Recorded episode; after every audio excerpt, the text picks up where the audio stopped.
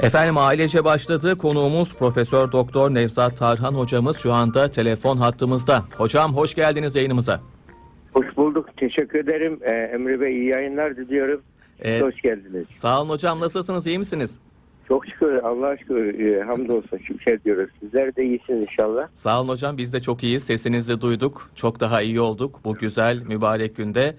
Ee, güzel de bir program olacağını ümit ediyoruz. Çünkü e, güzel bir konuyu paylaşacağız. Psikiyatride kişiye özel tedavi döneminden söz edeceğiz ki sizin çok e, önemli bir sözünüz vardır. Hastaya zarar vermenin biçimlerinden birisi de hastayı tedavisiz bırakmaktır. Evet evet. E, ki bu e, yöntemlerden birisi olsa gerek e, kişiye özel tedavi yöntemi yeni bir yöntem mi? Ne demek istiyoruz kişiye özel derken bunu merak ederiz hocam. Bir kere, e, şunu da vurgulamak gerekiyor. Yani bir e, Anadolu'da bir söz vardır yani bir insanın ölüsü varsa bir gün ağlar ama akıl hastası varsa her gün ağlar diye. E, doğru. Onun için psikiyatrik hastalıklar e, gerçekten ailedir. Yani sadece kişiyi değil ona kişiye ızdırap vermez. Bütün ilişkileri etkilediği için bütün aileyi etkiler. E, bu nedenle e, ailede e, psikiyatrik hastaların tedavisi de e, biz e, tedavinin üçüncü ayağı aileyi ele alıyoruz. Yani aile eğer burada birlikte yaşadığı kişiler sağlıklıysa doğru davranırsalar psikiyatrik tedavi çok daha hızlı düzeliyor. Çocuklarda da erişkinlerde de böyle. Ki bunlardan yani kişiye özel tedavi de bu e, bu da yine önem kazanıyor kişiye özel tedavi. Aslında kişiye özel tedavi e, bu Amerikalılar Taylor Treatment dedikleri yani böyle yani tedavi. Konfeksiyon değil de yani kişiye özel kıyafet gibi yani kişi özel üretilmiş tedavi diye çevrildi. Aslında bu tıpta eskiden beri var ama böyle sistematize böyle yeni bilgilerle birleştirilmesi yeni oldu. Hı hı. İşte bunu şey başlattı. Ohama ABD başlattı. E, bu precision medicine diye başlattı. Yani bu e, Türkçe'ye böyle hassaslık, güvenli tıp, mükemmel e, e, odaklı tıp gibi bir Türkçe'ye çevrilebiliyor. Bu, bu burada tedavinin böyle bir ilaç verip herkese aynı ilacı vermek yerine kişinin genetik yapısına göre, kişinin böyle hani beyin fonksiyonuna göre, kişilik e, özelliklerine göre ona uygun kişiselleştirilmiş tedavi yapılmasıyla ilgili ciddi bir proje başlattı. Evet. Yeni inisiyatif başlattı. 2015'te ona e, bu kişi, kişi özel tedavi tarzındaki e, yeni e, bi- bilimin yeni kattığı bilgileri de ekleyerek bunu yaptı. Burada tedavide tabii önemli olan şey yani sizin de ilk baştan vurduğunuz gibi hani bizim motto olarak kullandığımız şeylerden birisi de hastaya zarar vermeyen türlerinden hastayı tedavisiz bırakmaktır. Evet. Bir de ben e, böyle asker kökenli olduğum için oradan aldığım bir kelime var. Onu e, ödünç olarak aldım. Tıpta kullanıyorum. E, burada e, askerlikte söz şö- şöyle söylenir. Komutan sadece yapılan tedavilerden, yapılan işlerdendir, yapılmayan işlerden de sorumludur diye. Doğru. Doğru. Dedikte bu sorumluluk duygusu yüksektir asker. Onun için durumdan vazife çıkarma kavramı yerleştir askeriyle. Yani hekim de bu şekilde olması gerekir. Sağlıkçı yani e, sağlıkçı sadece yap bildiği, yaptığı tedavilerden değil, yapmadığı tedavilerden de sorumlu. Dünyanın bir yerine bir tedavi çıkmış, bir yöntem çıkmış. Filanca uzman bir, filanca meslektaş bir yöntem uyguluyor. Ben ben sadece bunu bilirim, benim bildiğim bu metot, bunu uygularım derseniz siz sadece kendi açınızdan bakan olaya e, e, uzman olursunuz. Halbuki hastanın yüksek yararı esastır. Hı hı. Kritik kavram hastanın yüksek yararı. Evet. Hastanın yüksek yararı için her türlü bilimden, e, bir tıptan, her türlü metottan, geleneksel yahut da modern her türlü metottan faydalanmak hastanın yüksek yararını da uygun tedavi nedir? Uygun yöntem nedir? Uygun ilaç nedir? Bunu arayıp bulmak için hastanın sağlık vekaletini alıyor. Hı hı, tedavi eden Evet, klinisyen. Bu, buna göre tedavi ediyor. Bunun içinde şu anda 2000'li yıllardan sonra dünya ciddi bir iki, iki devrim yaşadı. Biri genetik devrimi tıp, ikincisi 2018'den itibaren nörobilim devrimi yaşadı. Hı hı. Yani genetik devrimde gen haritası çıkarıldı biliyorsunuz. Genom çıkarıldı. Hı hı. Artık insanın genomu belli. Yani bir, o standart yani bir, bir insandan DNA alınıyor. O DNA'nın bir dilimi çıkarılıyor. O genom haritasındaki insanların ortak geninle karşılaştırılıyor. O kede, o kişide şu şu şu genler var. Şu şu şu genler yok. Şu şu genler gen şeyi çıkarılıyor işte onun yani whole exome sekanslama deniyor ona. Dizilemesi çıkarılıyor ve onun üzerine o kişinin genetik profiline göre ilaç veriliyor. Hı hı. İlaç genetiğinin ayrı şeyi vardı. E, e, e, 7-8 gen var o incelenen Hı hı. ilaç genetiğiyle ilgili. Onlara mesela biz artık rutin bakıyoruz onlara genle. O DNA analizi yapıp bu ilaç bu kişiye yarar mı yaramaz mı? Hı hı. Bu ilaç bu kişide hızlı mı metabolize ediyor yavaş mı metabolize ediyor? Mesela hızlı metabolize ediyorsa o ilaç o kişide şey yapıyor. Yani böyle ilacı alıyor pil dozunu ilaç alıyor ilaç kullanmadan atıyor. Hı hı. E, bazı insanlar da var böyle e, mikrogram doz ilaç alıyor müthiş alerji yapıyor. Hı hı. Onun sebebi bu. Yani e, ciğerde diye gen grubu var. O genler vücuda gelen her yabancı maddeyi o genlerin süzgecinden geçiyor. Enteresan. Karaciğer müthiş bir laboratuvar gerçekten.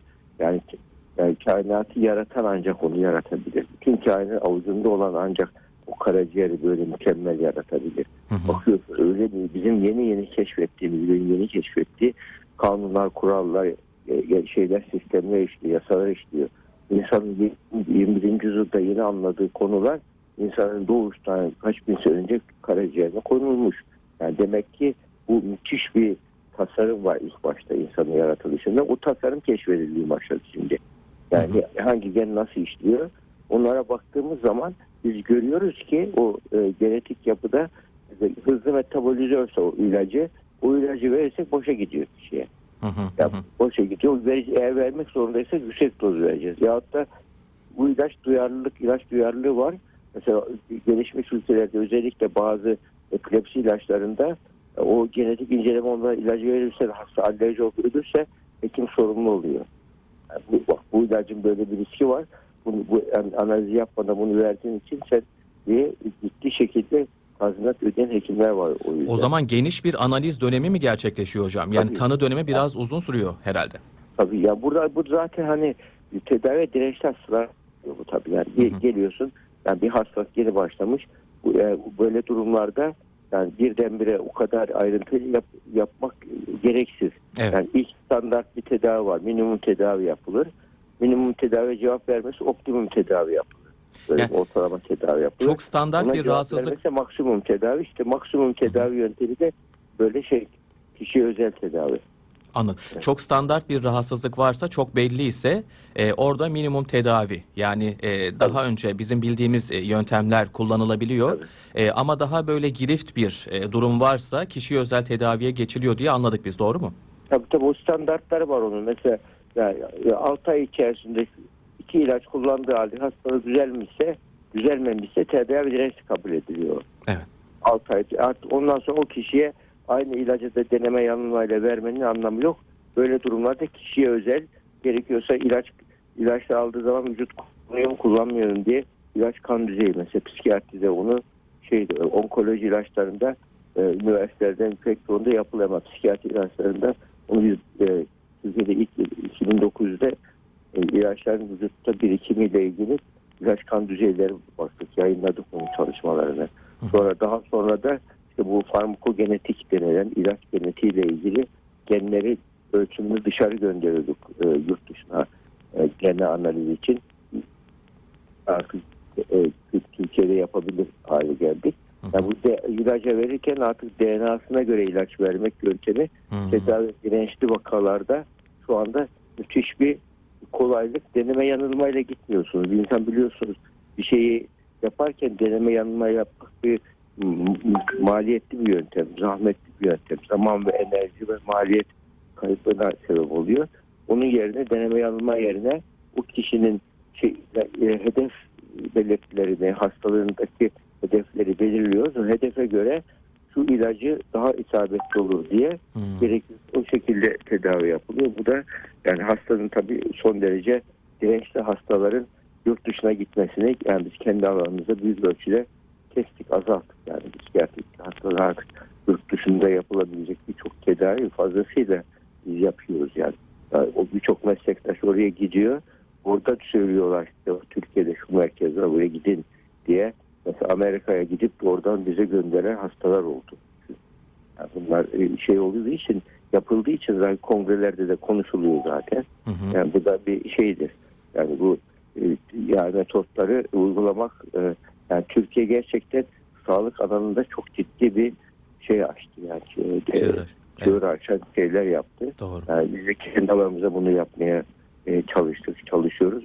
Bu kişi tedavide şu anda ya insana verilen değerle ilgili tabii. Yani insanın, Doğru. çünkü dertli olan bir insan anlıyor. Başkası hani bir Tolstoy'un bir sözü var ya e, şey, katlanması en zor en kolay acı başkalarının çektiği acıdır.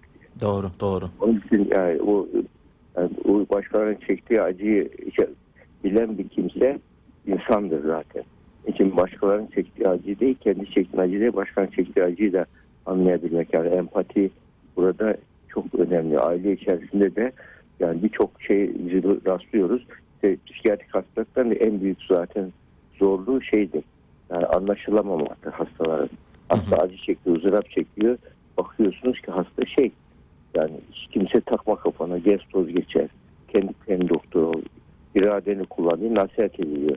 Hasta geliyor biz mesela bu kişiye özel tedavi yöntemleriyle beyin fonksiyonuna bakıyoruz kişinin. Hı hı. Bakıyoruz ki o içe olan kişi kendi kendi doktor senin elinde denilen kişinin beyninde savaş var.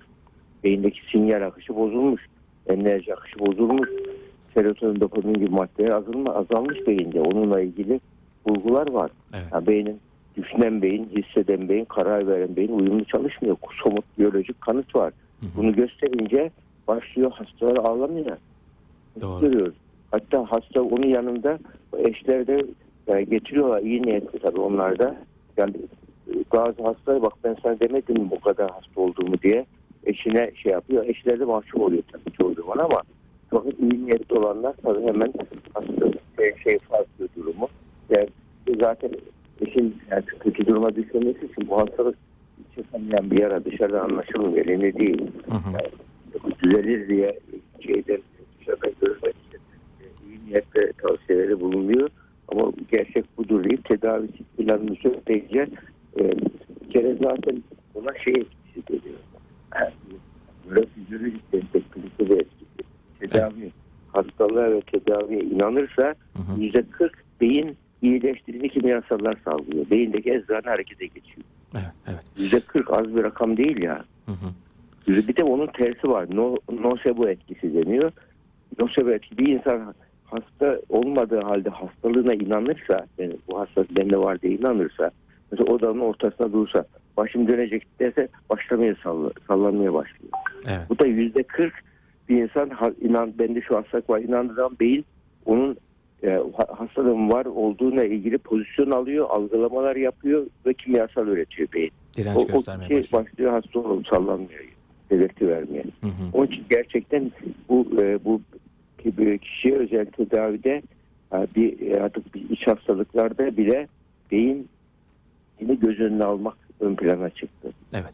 Biraz hocam e, bütüncül tıp diye bir e, tabir var. Bununla benzer bir yanı var mı? Kişiye Tabii özel bütün, tedavi. bütüncül tıp zaten bu tıbbın şeyidir. Yani bu kuralıdır. Mesela bu şeyin kurallarını hasta yok, hastalık yok, hasta var kuralı. Tıpta biz tıp bölgesine girdiği zaman ilk öğrendiğim şeylerden birisidir. Evet. Yani bu aslında kişiye özel teda tedavinin sihirli cümlesidir bu. Hı hı. Ama bunu uygulanabilir hale getirmek için yeni metotlar bulundu böyle böyle durumlarda. Hı hı. Yani kişinin e, bu nedenle burada e, hastalıkları e, tedavi ederken yani kişilerin tedavi uyumu da çok önemli. Doğru. Bu tedavi anlaması, algılaması tedavideki tıbbi bilgiyi zihinsel olarak satın alması gerekiyor kişinin. Evet. Ve bu bana faydalı olacak diye inandığı zaman o da onun da tedavi değeri var. Yani kişisel özelleştirilmiş tedavide bu öne katılıyor. Yani bir diğer öne katılma mesela medikal kayıtlar çok ön, planda. Medikal kayıtlar ne? Hasta ilgili bilgilerin kaydedilmesi. Bizde e-nabız mesela bu işi devrim yaptı. Doğru. E-nabız Doğru. bir şekilde geçmişle kay hatta bazı e, nabıza giriyoruz hastadan tabii iznini alarak şifresini veriyor. Onun bütün tahlillerini görüyoruz filmlerini. Aynı filmi tekrar çekmeye ihtiyaç kalmadığı da oluyor böyle. MR'lar vesaire. E, bu bir kolaylaştırdı. Bu medikal kayıt sistemi de kişi özel tedavinin en önemli e, ayaklarından birisidir. Ve şu anda üçüncü önemli bir ayağı da bu kişi özel tedavinin de- derin, derin öğrenme ve e, e, yapay zekanın kullanımı. Hı. Yapay zeka ve derin öğrenme kullanılarak hasta geldiği zaman biz onunla ilgili patentini aldık. Bir yazılım geliştirdik. Ve orada hasta gittiği an beyin sinyalleri kaydediliyor beyindeki psikiyatrik hastalıklar. Ondan sonra işte medikal kayıtlar yapılıyor. Hastanın mesela şu an çalıştığım yüz okumasını yapacak. Hı hı. Yüz okumaları yapacak. Tedavi de ön, önüne ilgili bütün tetkiye bittiği zaman hekime diyor ki "Mu- şu muhtemelen şu şu hastalıklar var bu kişide diyor. Evet. Yani yapay zeka bunun şeyini verecek. Böyle bir ya- yazılım e, yani şu anda epey ilerledik bunu. Yani ilk şeyde yayınladık ilk sonuçlarını. Bu, bu, bu şekilde yaparak yapay zeka aslında tıbbi hataları da azaltacak. Hı hı. Yani hekimin aklına gelmiyor o anda. Bir şey oluyor. Bir e, bir karmaşa içerisinde oluyor. Gözünden kaçırabiliyor. Onu minimize etmek için hataları, tıbbi hataları. Evet. Hastalara zarar görmemesi için de o da bir önemli bir şey sağlıyor burada. Avantaj sağlayacak ama o anda daha burada alınacak çok mesele var. Büyük bir büyük data istiyor tabii. Dataları toplayacağız. Hı hı. Toplayacağız. Ondan sonra onunla ilgili mesela radyoloji şu anda yapay zekayı en iyi kullanan alan olmaya başladı. Yani, e, ön tanı e, MR cihazına giriyor kişi ön tanıyla ilgili uzmana ve isterse eğer yani gözünden kaçan bir şey olmasın diye e, bir ön tanı verebiliyor. Evet. Ona göre onun üzerine o da bakıp onu doğruluyor veya yanlışlıyor oradaki hatalar varsa. Hı hı. Radyolojide ilk bunun şeylerini görmeye başladık. Yani yapay zeka uyumlu MR cihazı e, Amerika ismini vermiyor. Amerika'daki bir firmanın cihazını biz kurduk. Orada bunun yapay zeka ile e, beyin görüntülemesi e, yapmaya e, başlamak büyük bir şey sağladı. Yani Evet. burada e, birçok e, kaçırdığımız şeyleri yakalama imkanı sağlamış oldu diyebiliriz. Evet. Hocam son olarak şunu da sormak isterim. Ee, az bir zamanımız kaldı ama şimdi kişiye özel tedavi yönteminde hastayla psikiyatrist arasındaki güven ilişkisi de önemli olsa gerek diye düşünürüz. Aklımıza Tabii, geliyor. yani çok doğru. Yani orada terapötik ittifak deniyorlar. Evet. Tedavisel işbirliği deniyor.